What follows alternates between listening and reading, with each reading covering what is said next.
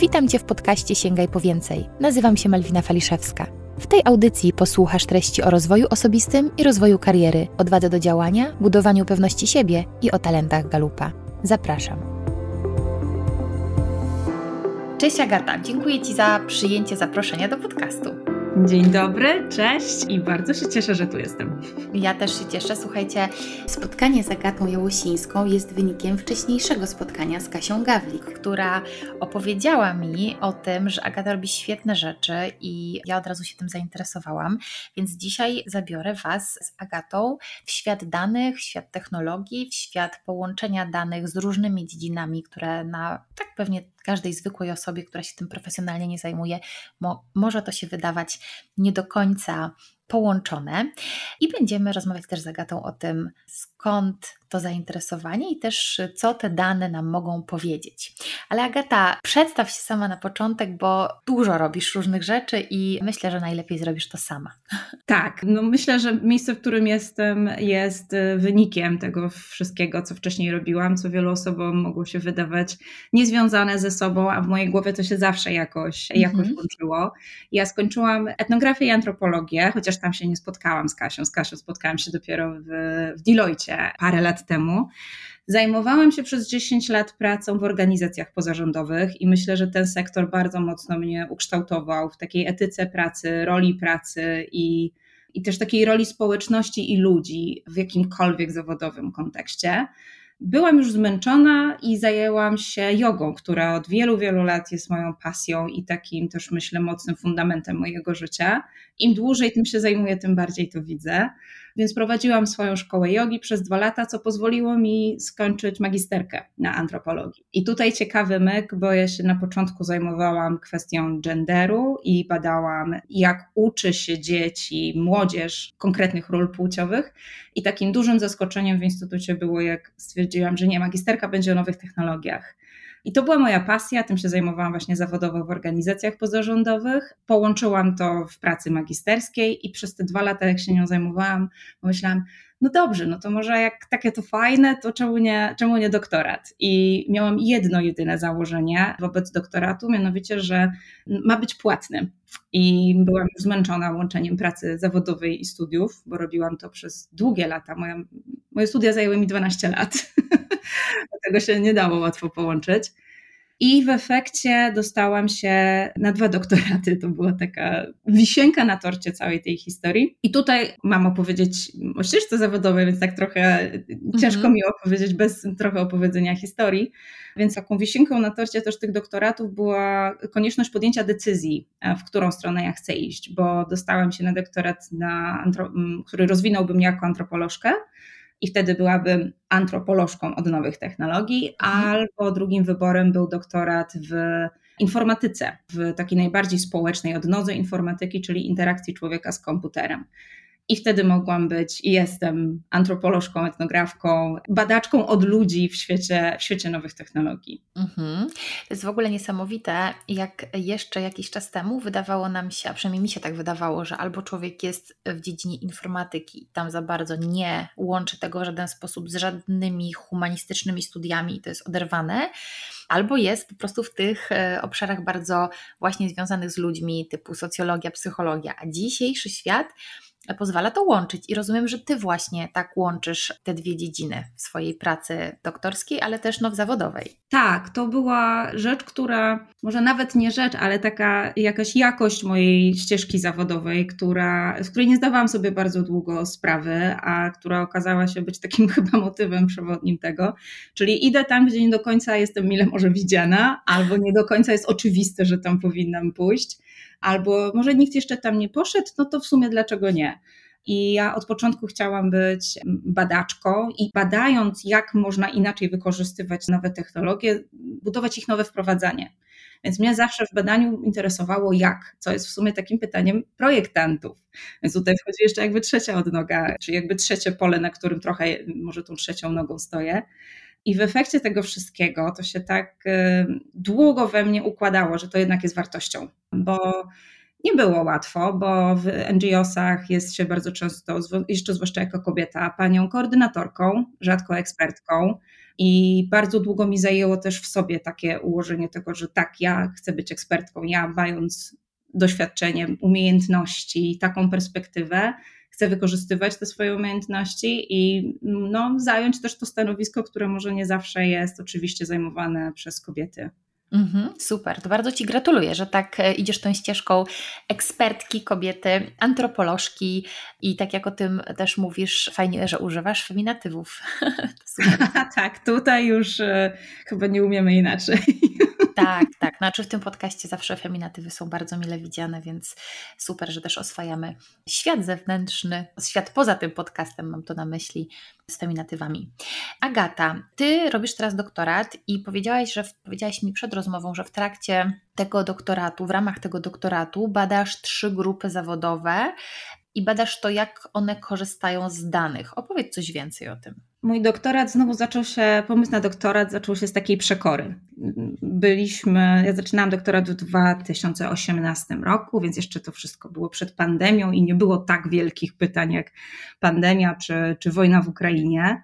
Wtedy takim największym pytaniem była katastrofa klimatyczna. I będąc w tak mocno też zmaskulinizowanym, ztechnologizowanym miejscu, jakim był mój instytut i jest mój instytut badawczy, no powiem tylko, że na 90 osób jestem jedyną osobą, która zajmuje się kwestiami ekologii czy, czy przyrody. Wiedziałam i widziałam, jak bardzo ważną odnogą technologii są dane. I zastanawiałam się, to co dane mogą zrobić dla tak ważnego problemu, jakim jest y, środowisko i przyroda, w którym, w którym żyjemy. I moim takim przekornym pytaniem i przekornym założeniem było to, że dane są i tu wchodzi antropologiczne myślenie, że dane są produktem takiego myślenia o kontroli, że jeżeli chcemy coś poznać, to chcemy to zmierzyć, chcemy temu dać początek i koniec, tak jak metr z Sèvres, powiedzieć to jest ten wymiar i żaden inny.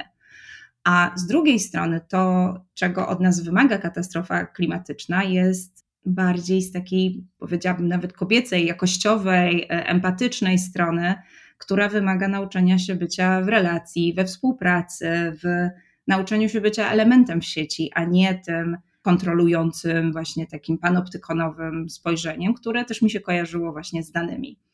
I to było moje założenie, można nazwać projektowe, które chciałam sprawdzić. Czy w takim razie, jeżeli tutaj mamy tak różne podejścia, ontologie, czy dane mogą nam jakoś pomóc?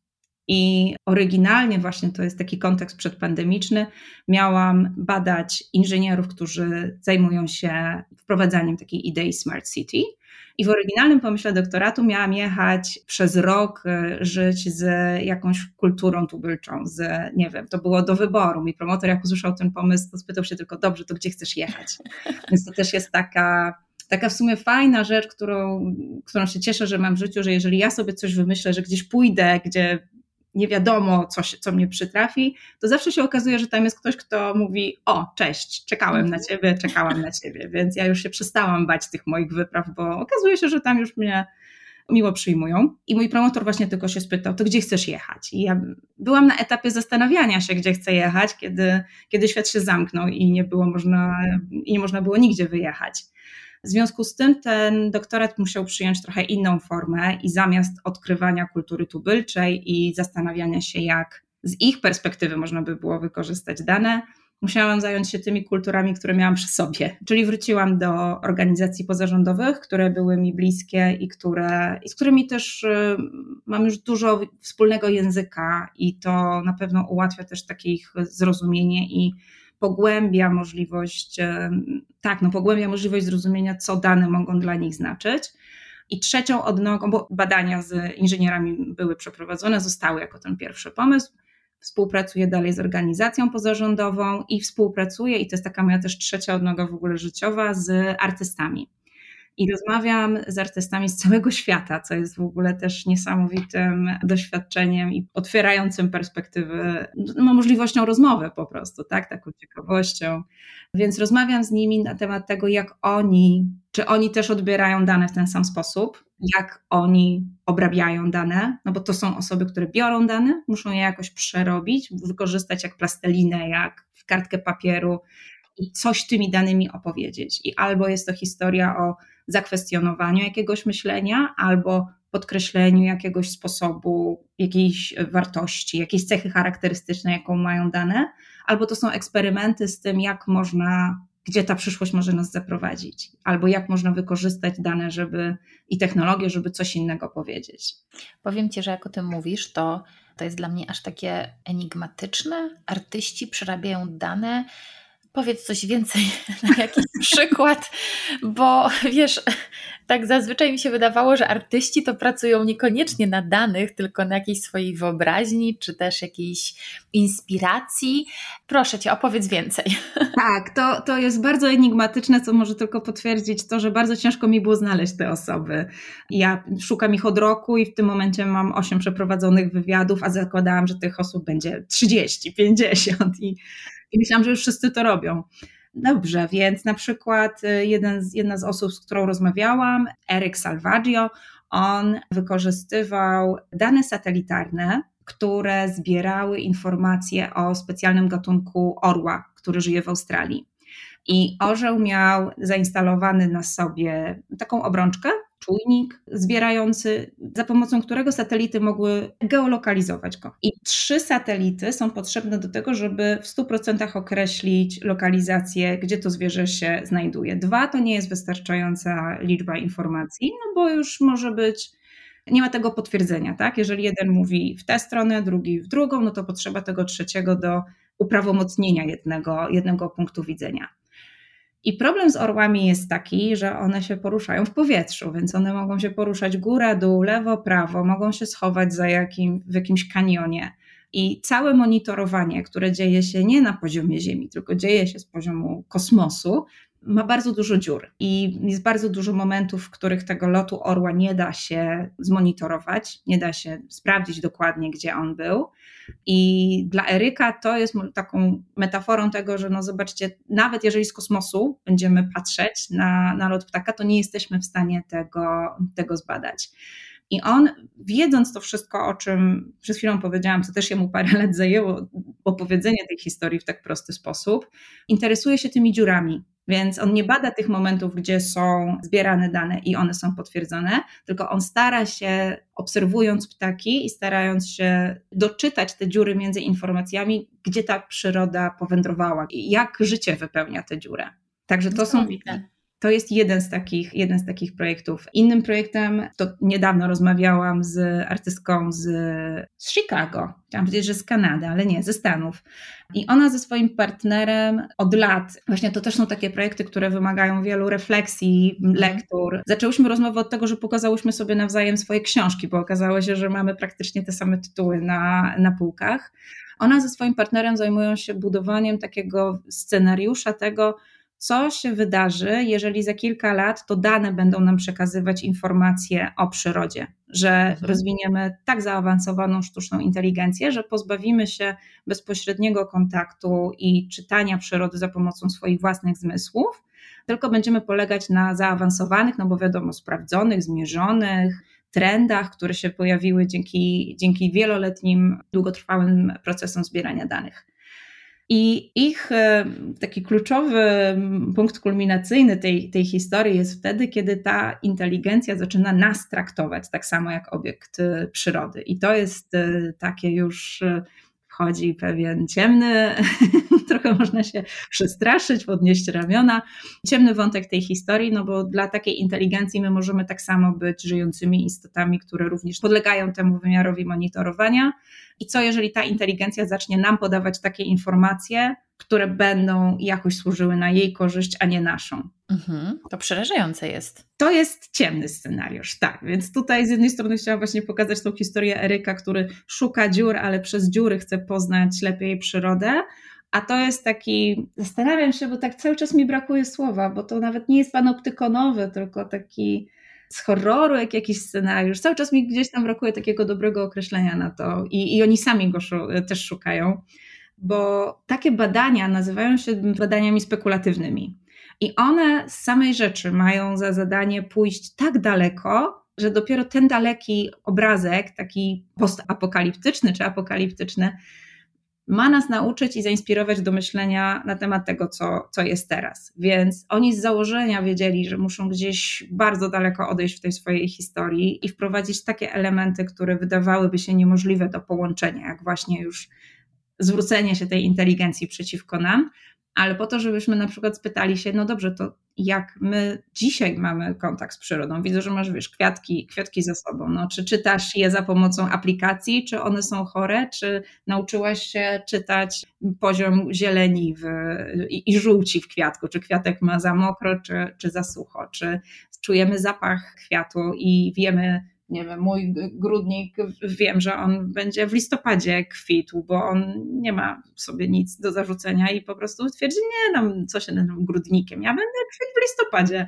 i kropka. I ja już wiem, że z nim nie jest nic nie tak, bo już po prostu robi tak któryś rok z rzędu.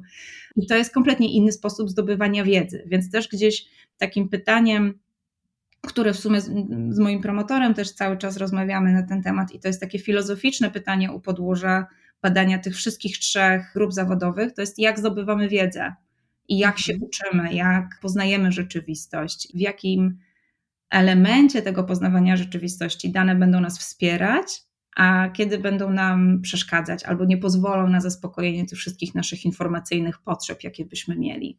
Mhm. Masz jakiś pomysł, gdzie to możecie zaprowadzić, czy, czy na razie jeszcze, czy na razie jeszcze właśnie czekasz, zbierasz, czy już masz jakieś pierwsze wnioski? Dla mnie doktorat był wielką lekcją pokory, bo ja zaczynałam go z myślą, tak, to zbadam inżynierów, zbadam to technokratyczne spojrzenie, potem zbadam tą tradycyjną kulturę, będę szukała tego relacyjnego podejścia do przyrody i ja zbuduję usługę, która będzie łączyła jedno z drugim. Mhm. I doktorat nauczył mnie właśnie, przyciął mi kilka takich wystających piórek takiego, wiesz, pioniera wszystkiego i nauczył pokory w tym, że dobrze jest zrozumieć detale w tym, co jest teraz. Więc takie wnioski, które ja myślałam, że będą właśnie na temat tego, da się, nie da się, dane do tego pasują, do tego nie pasują, wnioski zbliżają mnie znowu do człowieka i do tego, jak każdy z nas jest jakoś uformułowany i nauczony w jakiś sposób korzystania i z danych, i z przyrody, i z informacji, i że każda z tych grup zawodowych ma swoje fantastyczne, mocne strony. I tak jak wobec tego projektu badawczego było bardzo dużo krytyki, bo w takim nawet akademickim środowisku, bo oni dostają niewiarygodnie wielkie granty, wydają je niezwykle odpowiedzialnie, ale to są bardzo duże pieniądze i trochę jest takiej zazdrości, takiego, mm, no ale dlaczego oni, a nie my?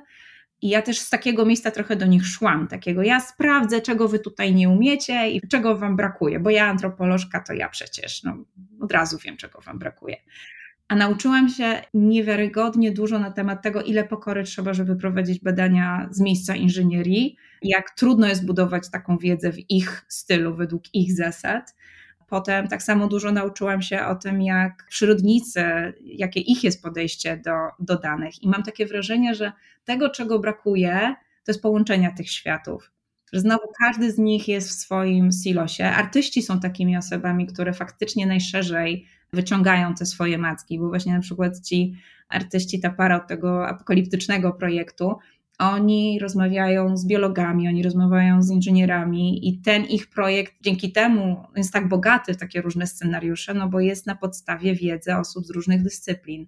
I takim wnioskiem chyba myślę, że trochę też to w tej rozmowie teraz, teraz buduję, jest to, że właśnie inżynierowie są tak zamknięci w swoim, w swoim myśleniu, że nawet do projektu o tym, jak powódź, taka jednodniowa, to się nazywa powódź zalewowa, chyba, jeśli dobrze mówię po polsku, takie nagłe opady deszczu, które powodują blokady całego miasta.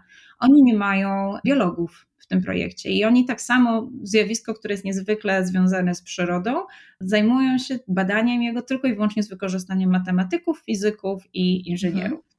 Mhm. Mhm. Czyli pomijają coś, czyli tak naprawdę no nie jest to takie inkluzywne, prawda? Y, tak. Brakuje tam y, jakiegoś włączenia, no bo przecież nie możemy tak po prostu wydzielić jakiejś dziedziny życia i powiedzieć, że ona jest tak odrębna, bo przecież no, na wszystko, wszystko na wszystko wpływa. Dla mnie takim osobiście bardzo naocznym momentem, kiedy zobaczyłam, że świat jest takim systemem naczyń połączonych. Oczywiście teoretycznie wiemy to, uczymy się o ekosystemie, o wszystkim innym.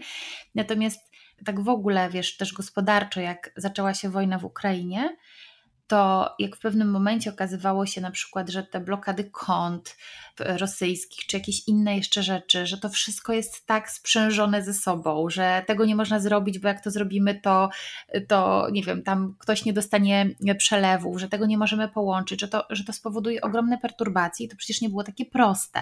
Później, no to co teraz widzimy, tak jak bardzo uzależniliśmy się chociażby od, od gazu rosyjskiego, jak to pokazało, że nie, nie byliśmy niezależni i to też nagle pokazuje, jak na wiele czynników innych w codziennym życiu to wpływa, bo nawet z takiej prostej perspektywy, to, że na przykład włączam kuchenkę gazową i odkręcam ten gaz i on się pali, to nigdy wcześniej przed wojną w Ukrainie nie zastanawiałam się, skąd ten gaz się tam bierze. On po prostu był. Tak jak małe dzieci mówią, że pieniądze są z bankomatu, to dla mnie no, gaz był z kuchenki, tak?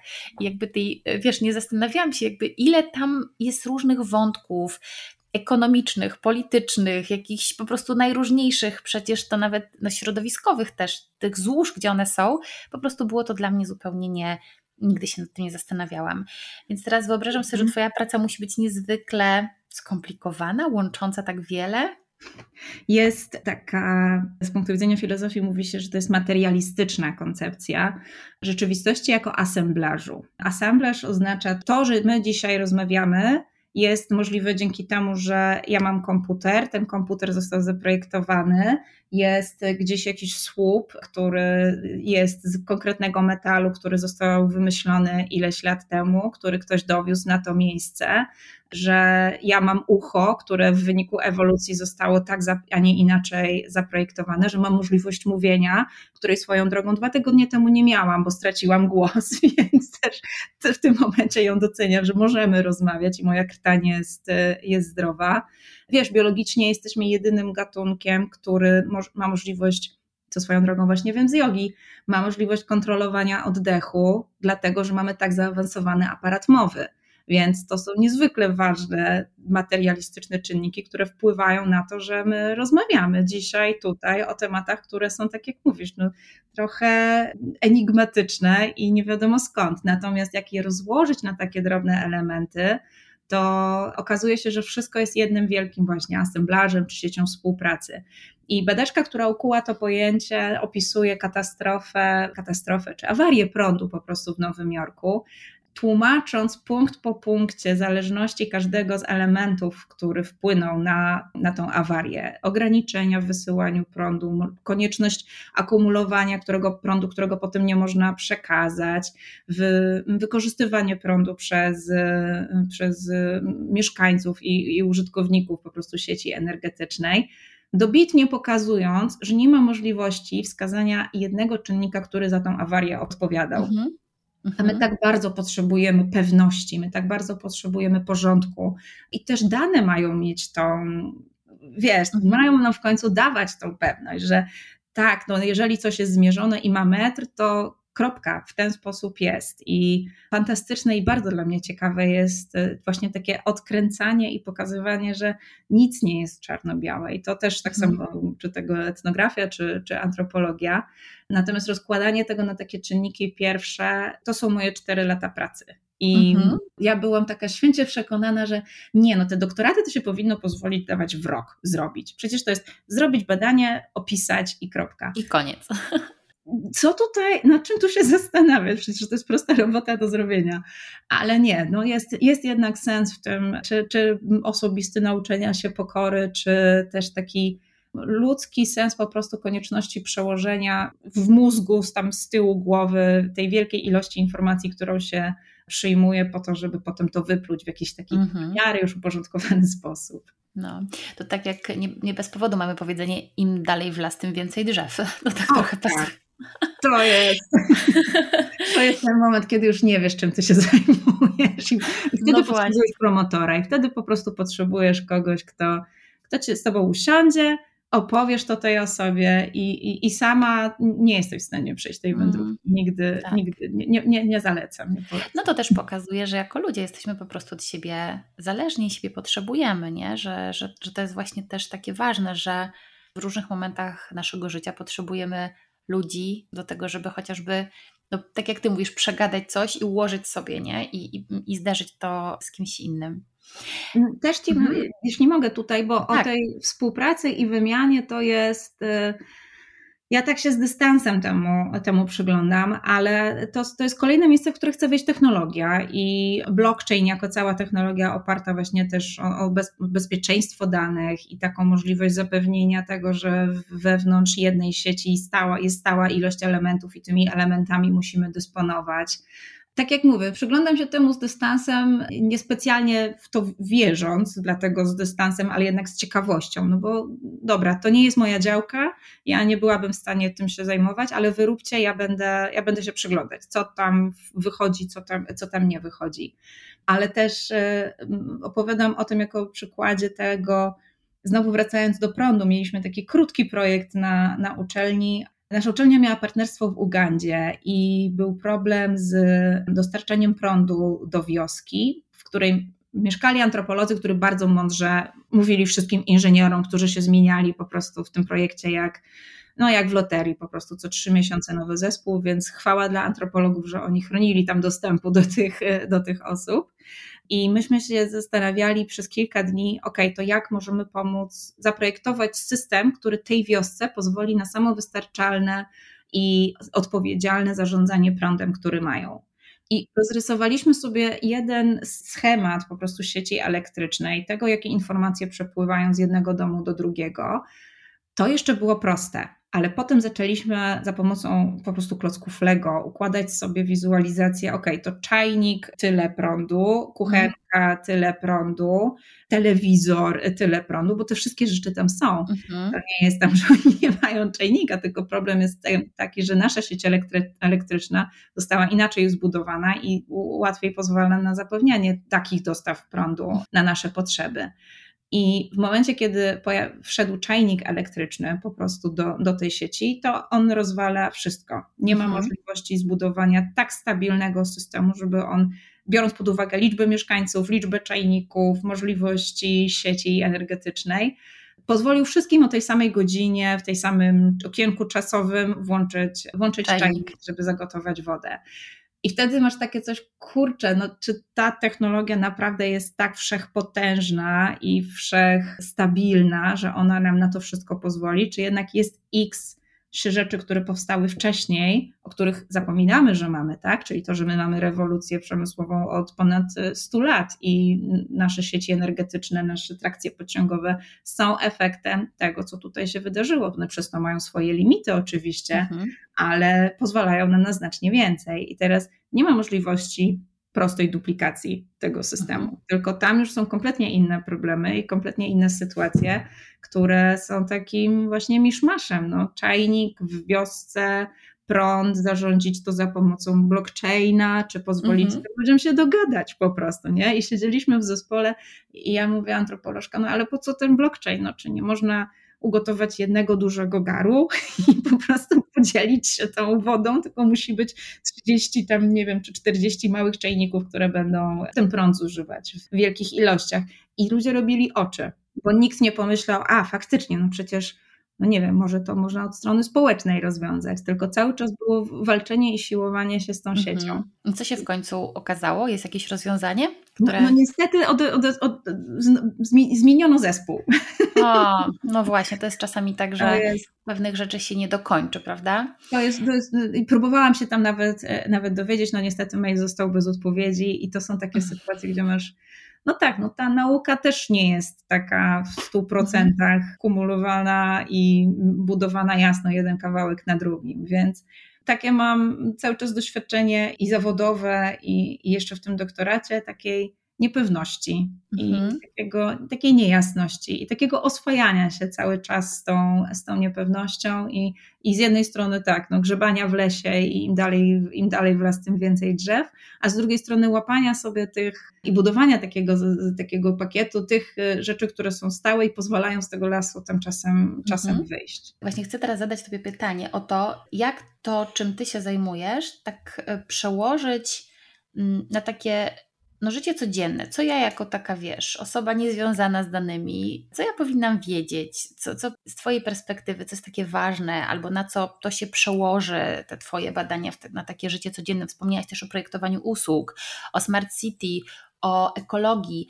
Mm, to, to wydaje mi się, że to są takie rzeczy, które rzeczywiście taki, nie wiem, człowiek zwykły gdzieś, gdzieś tam po prostu się z tym łączy. Widzisz to połączenie takich mhm. Twoich badań z takim moim życiem?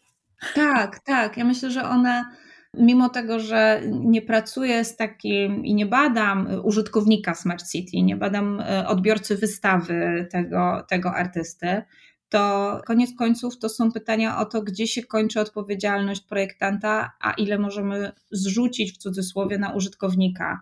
I nie używając tego brzydkiego określenia zrzucić, ale zastanawiając się, odpowiadając na Twoje pytanie, co użytkownik, użytkowniczka takiej aplikacji czy, czy usługi, czy, czy życia, użytkownik życia z danymi, co, co może mhm. robić. Myślę sobie, że jest to najprostsza rzecz, która, którą zapominamy, jaką ona ma wartość, i to jest krytyczne podejście do informacji. Słyszymy o tym w kontekście fake newsów, słyszymy o tym w kontekście oszustw technologicznych, czyli tam wiesz, phishingu czy mhm. E, SMS-ów, które dostajemy z, z wyłudzeniem.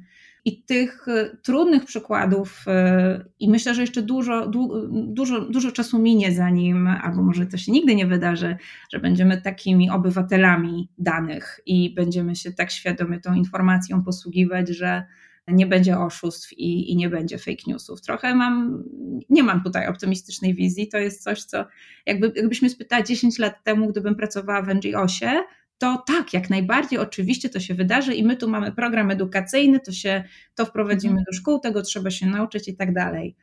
Natomiast jest y, niedoceniona ta, ta umiejętność naszego krytycznego spojrzenia i jesteśmy niezwykle bezrefleksyjni. Po prostu mhm. jeszcze cała nasza konstrukcja tego, że jeżeli telefon mi mówi, że jest 16, to jest 16, na czymś musimy polegać, na czymś musimy po prostu, nie możemy wszystkiego krytycznie przyjmować, tak? Mhm. Ale myślę, że to jest jeszcze przed nami takie uczenie się mocniejsze tej umiejętności krytycznego spojrzenia na dane. Stosunkowo mało my ich jeszcze mamy w takim codziennym życiu dookoła siebie. Z jednej strony, tak, oczywiście, algorytm Netflixa nam podpowiada filmy, algorytm Spotify'a podpowiada nam muzykę, ale to nie są dane, z którymi my się bezpośrednio stykamy. My, my te algorytmy karmimy. To nie są jeszcze algorytmy, które nam mówią, na podstawie czego mamy podjąć decyzję, no bo w takim codziennym życiu, no to to jest temperatura pogody, która ci mówi, mhm. czy masz założyć sweter, kurtkę czy mhm. czapkę, którym, którą się posługujesz. Myślę, że z jednej strony tych technologii będzie więcej i cały taki ruch i trend y, smart domów, które będą wchodzi to. Tak, mamy lodówkę, mamy sprytną, y, sprytną, tak, sprytną lodówkę i kuchenkę, ale te technologie są jeszcze tak jednostkowe, i sposób projektowania łączenia ich jest jeszcze w powijakach tak naprawdę, mhm. więc my jeszcze jako użytkownicy myślę, że mamy, mamy czas, żeby się przygotować trochę na to, bo niewiele osób ma sprytne lodówki w domu i to nie jest tak, że mhm. wszyscy mamy mhm. lodówki, które robią za nas zakupy. Natomiast no, te rzeczy, które mamy tutaj na co dzień, myślę, że się uczymy, myślę, że jesteśmy świadomi tego, co należy, co należy robić, bo fantastyczną robotę robią wszystkie organizacje, które za nas dbają. I to jest to, co one powinny robić. Za nas dbają o prawa, które dbają o naszą prywatność.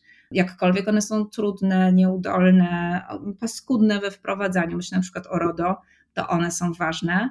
Świetną rolę robią również media, ucząc o dezinformacji, i świetną rolę robią wszystkie osoby aktywistyczne, które na różnych kanałach to robią, bo mhm. mi się zdarza nawet na Instagramie po prostu zobaczyć fantastyczny przewodnik tego, jak podobno e, autorka psich sucharków, która interesuje się technikami informacyjnymi, jak rozpoczęła się wojna w Ukrainie, to przygotowała taki przewodnik, mhm. właśnie jak rozpoznać fake newsa. Nie widziałam tego, słyszałam tylko o tym, że było to świetne.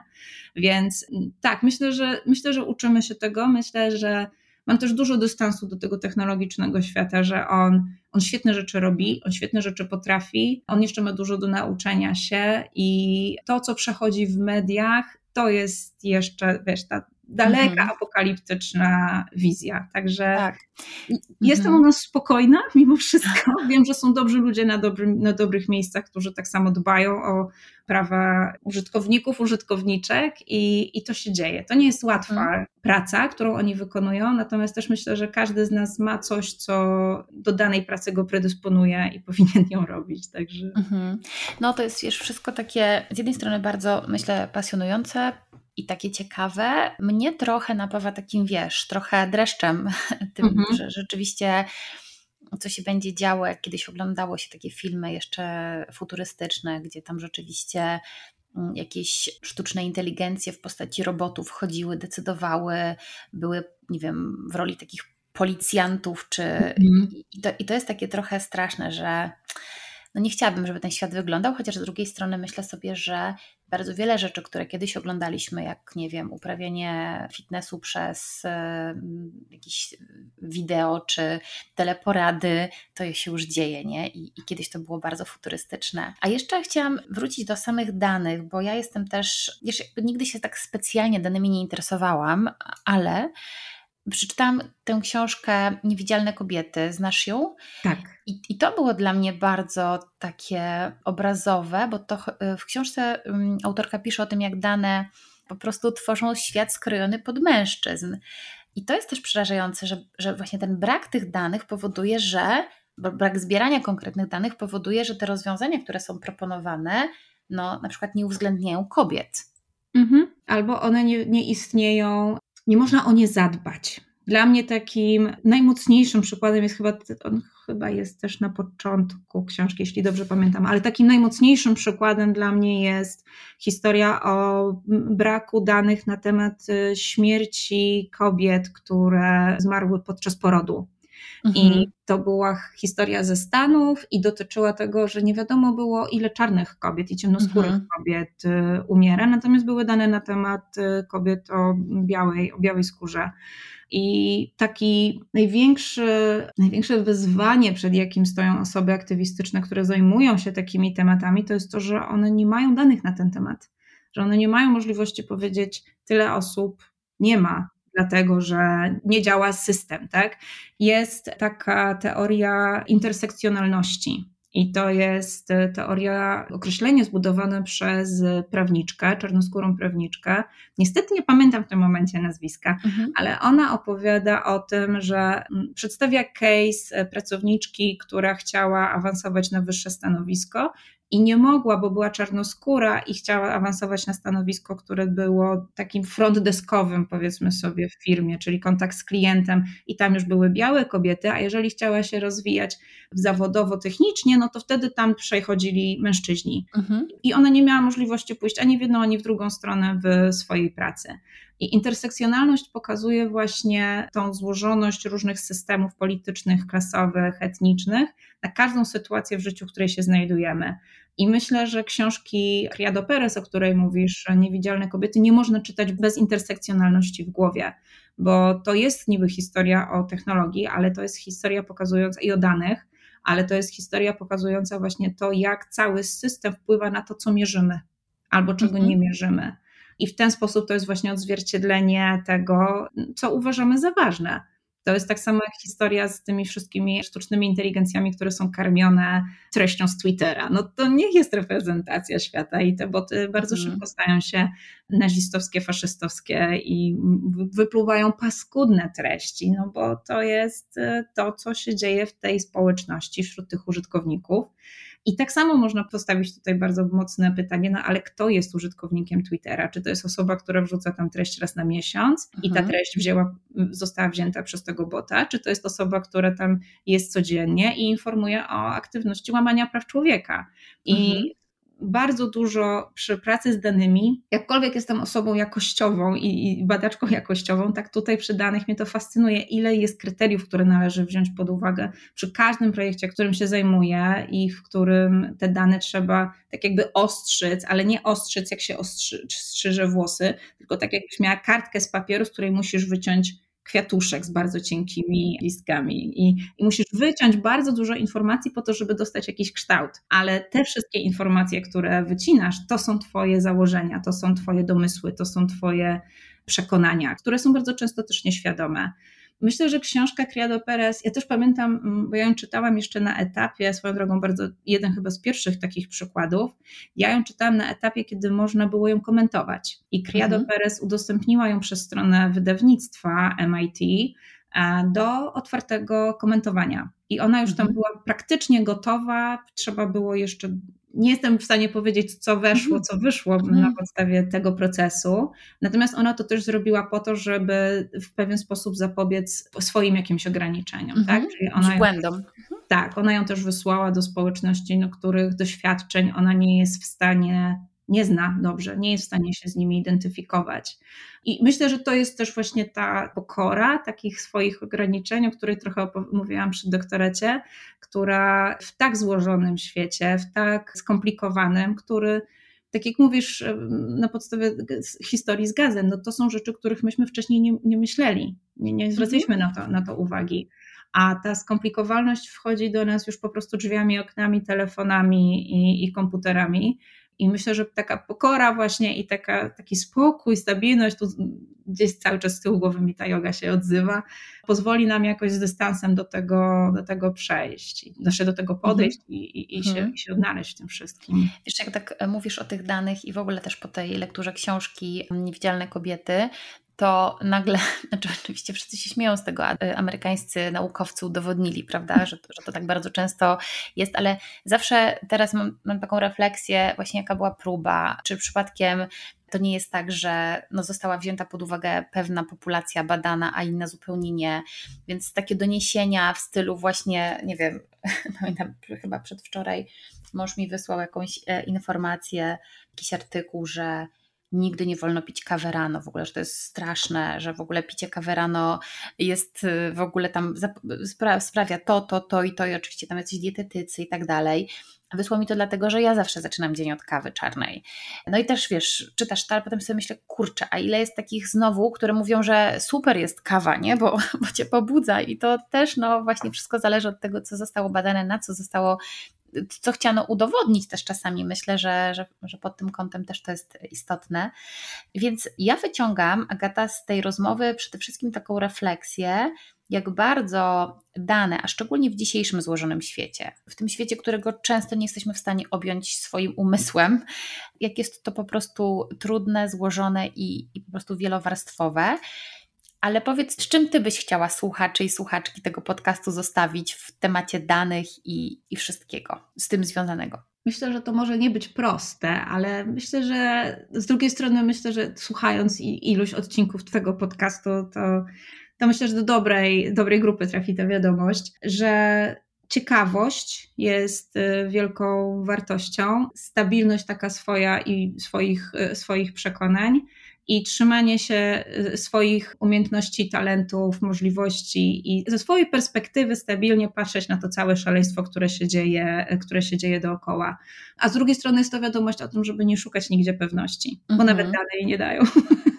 No właśnie, że to jest takie wszystko niepewne. No bo wiesz, jak mówisz do mnie, że mm, z jednej strony ciekawość powoduje, że no właśnie, to ciekawe, dlaczego tak jest, to ciekawe, dlaczego niektórzy się tak zachowują, to ciekawe, że tak się stało na przykład i to jest, i to, jest to. Z drugiej strony pozostanie przy swoim jest z jednej strony takim trochę zaprzeczeniem tej ciekawości, nie? Że tak, okej, okay, no nieważne co, ale zostań przy swoim. E, zostań Więc przy swoim w tym sensie, żeby mieć takie stabilne miejsce, z którego możesz zadawać mm -hmm. te pytania. Żeby I obserwować ten świat. Żeby właśnie jak dostaniesz informację o kawie, to nie brać tego od razu do siebie. O Boże, Boże, robię źle całe życie i za trzy miesiące będę miała atak serca, tak? Mm-hmm. Więc gdzieś e, czuć siebie, e, swoje ciało, rozumieć swoje miejsce, swoją rolę, swoje zadania i z tego miejsca wychodzić ciekawym, ciekawą do świata no, wiedząc też, że no nie pozna się wszystkiego, ale robić to, co można robić e, i, i odpuszczać resztę. No dobra, to jeszcze coś pozytywnego, Agata, na koniec, bo ja jestem trochę przygnębiona. Ojej! wiesz, tak mnie po prostu to oszołomiło wszystko i tak wiesz, jak sobie teraz myślę, ile rzeczy, wiesz, no ja też gdzieś tam zajmuję się, no ja nie zajmuję się takimi badaniami, jak ty się zajmujesz, ale na przykład wchodząc do organizacji, zastanawiając się na przykład na temat, jak rozmawiam o tematach diversity inclusion, czyli większej inkluzywności dla pracowników i też gdzieś patrzymy na dane, nie wiem, patrzymy ile ludzi wchodzi, jakich wchodzi do organizacji, kogo firma rekrutuje i tak dalej, no to teraz tak sobie pomyślałam, jejku, jak ja coś robię źle, a jak ja nie biorę jakiejś perspektywy. Nie, nie, nie, nie wyrzucajmy dziecka razem z kąpielą. Tutaj nie można podważyć wszystkiego. Ja myślę sobie, że y, dane nie są w stanie przekazać obiektywnej prawdy w 100%, w 100% bo mówisz o diversity, inclusion, no to są nie, niezwykle ważne rzeczy, którymi należy się zajmować i które potrzebują danych. Dane nie są w stanie przekazać wszystkiego obiektywnego, ale to dlatego, że różnorodności jest za dużo i ona musi się sama zacząć wyrażać po to, żebyśmy. Ja, ja żyję w przekonaniu, że każdy musi znaleźć swoją różnorodność wewnętrzną i się egoistycznie bardzo dobrze nią zajmować, po to, żeby potem to dawać wszystkim dookoła. I gdyby każdy tak robił, to myślę, że byłoby super. Tutaj przemawia aktywistka jeszcze z czasów organizacji pozarządowych. Ale nie da się wszystkiego kontrolować i nie da się wszystkiego, wszystkiego zmierzyć, więc gdzieś taki balans między uczeniem się w, czym jest się, w czym jest się dobrym i nie podążaniem ślepo za, za wszystkim, co się dzieje mm -hmm. dookoła w świecie. Dbajmy o swoje ogniska. Strasznie mi przykro, że tutaj taki masz jakiś... Nie, to jest fantastyczne, ciekawe, inspirujące. Nie, bo to takie jest, tylko wiesz, tak pomyślałam sobie, że tak zobaczyłam chyba więcej zagrożeń niż, niż szans z tym wszystkim związanych. Ja myślę, że to jest tak, to jest często pierwsze, pierwsze wrażenie. Boimy się tego, o czym nie wiemy. I, I myślę, że ja też się tego bardzo, bardzo bałam. Ja też zaczynałam ten doktorat z takim myślą, nie cierpię danych, a mhm. po tych dwóch, trzech latach badania widzę je jako narzędzie, z którym świetnie da się pracować, z bardzo wyraźnymi ograniczeniami. Po prostu przestałam widzieć w nich tylko tą panoptykalną i taką apokaliptyczną wizję. wizję. No dobrze, to skończmy w takim razie pozytywnie. Agata, ja Ci bardzo dziękuję za przybliżenie, poszerzenie świadomości, przybliżenie tematu danych i tego, jak tak naprawdę wielowymiarowe one są, jak e, różne grupy zawodowe mogą z nich korzystać, nawet jak sobie my czasami z tego nie zdajemy sprawy. No i też zostaje nadal z tą, myślę, oprócz tych, wiesz, negatywnych, jakichś takich może pierwszych niepokojów, to zostaje z takim znowu potwierdzeniem, że krytyczne myślenie jest niezwykle ważną kompetencją w dzisiejszych czasach. Jak Bardzo Ci dziękuję. Życzę wszystkim miłego dnia, uśmiechu przede wszystkim. No słuchaj, Ty jesteś tak pozytywna, że na pewno ten podcast miał, wiesz, energię miał na pewno pozytywną. Także bardzo Ci dziękuję. Bardzo. Dziękuję. Jeśli podobał Ci się ten odcinek, udostępnij go znajomym. Zasubskrybuj mój kanał, jeśli chcesz być na bieżąco z tematami, które poruszam. I powodzenia w Twoim sięganiu po więcej.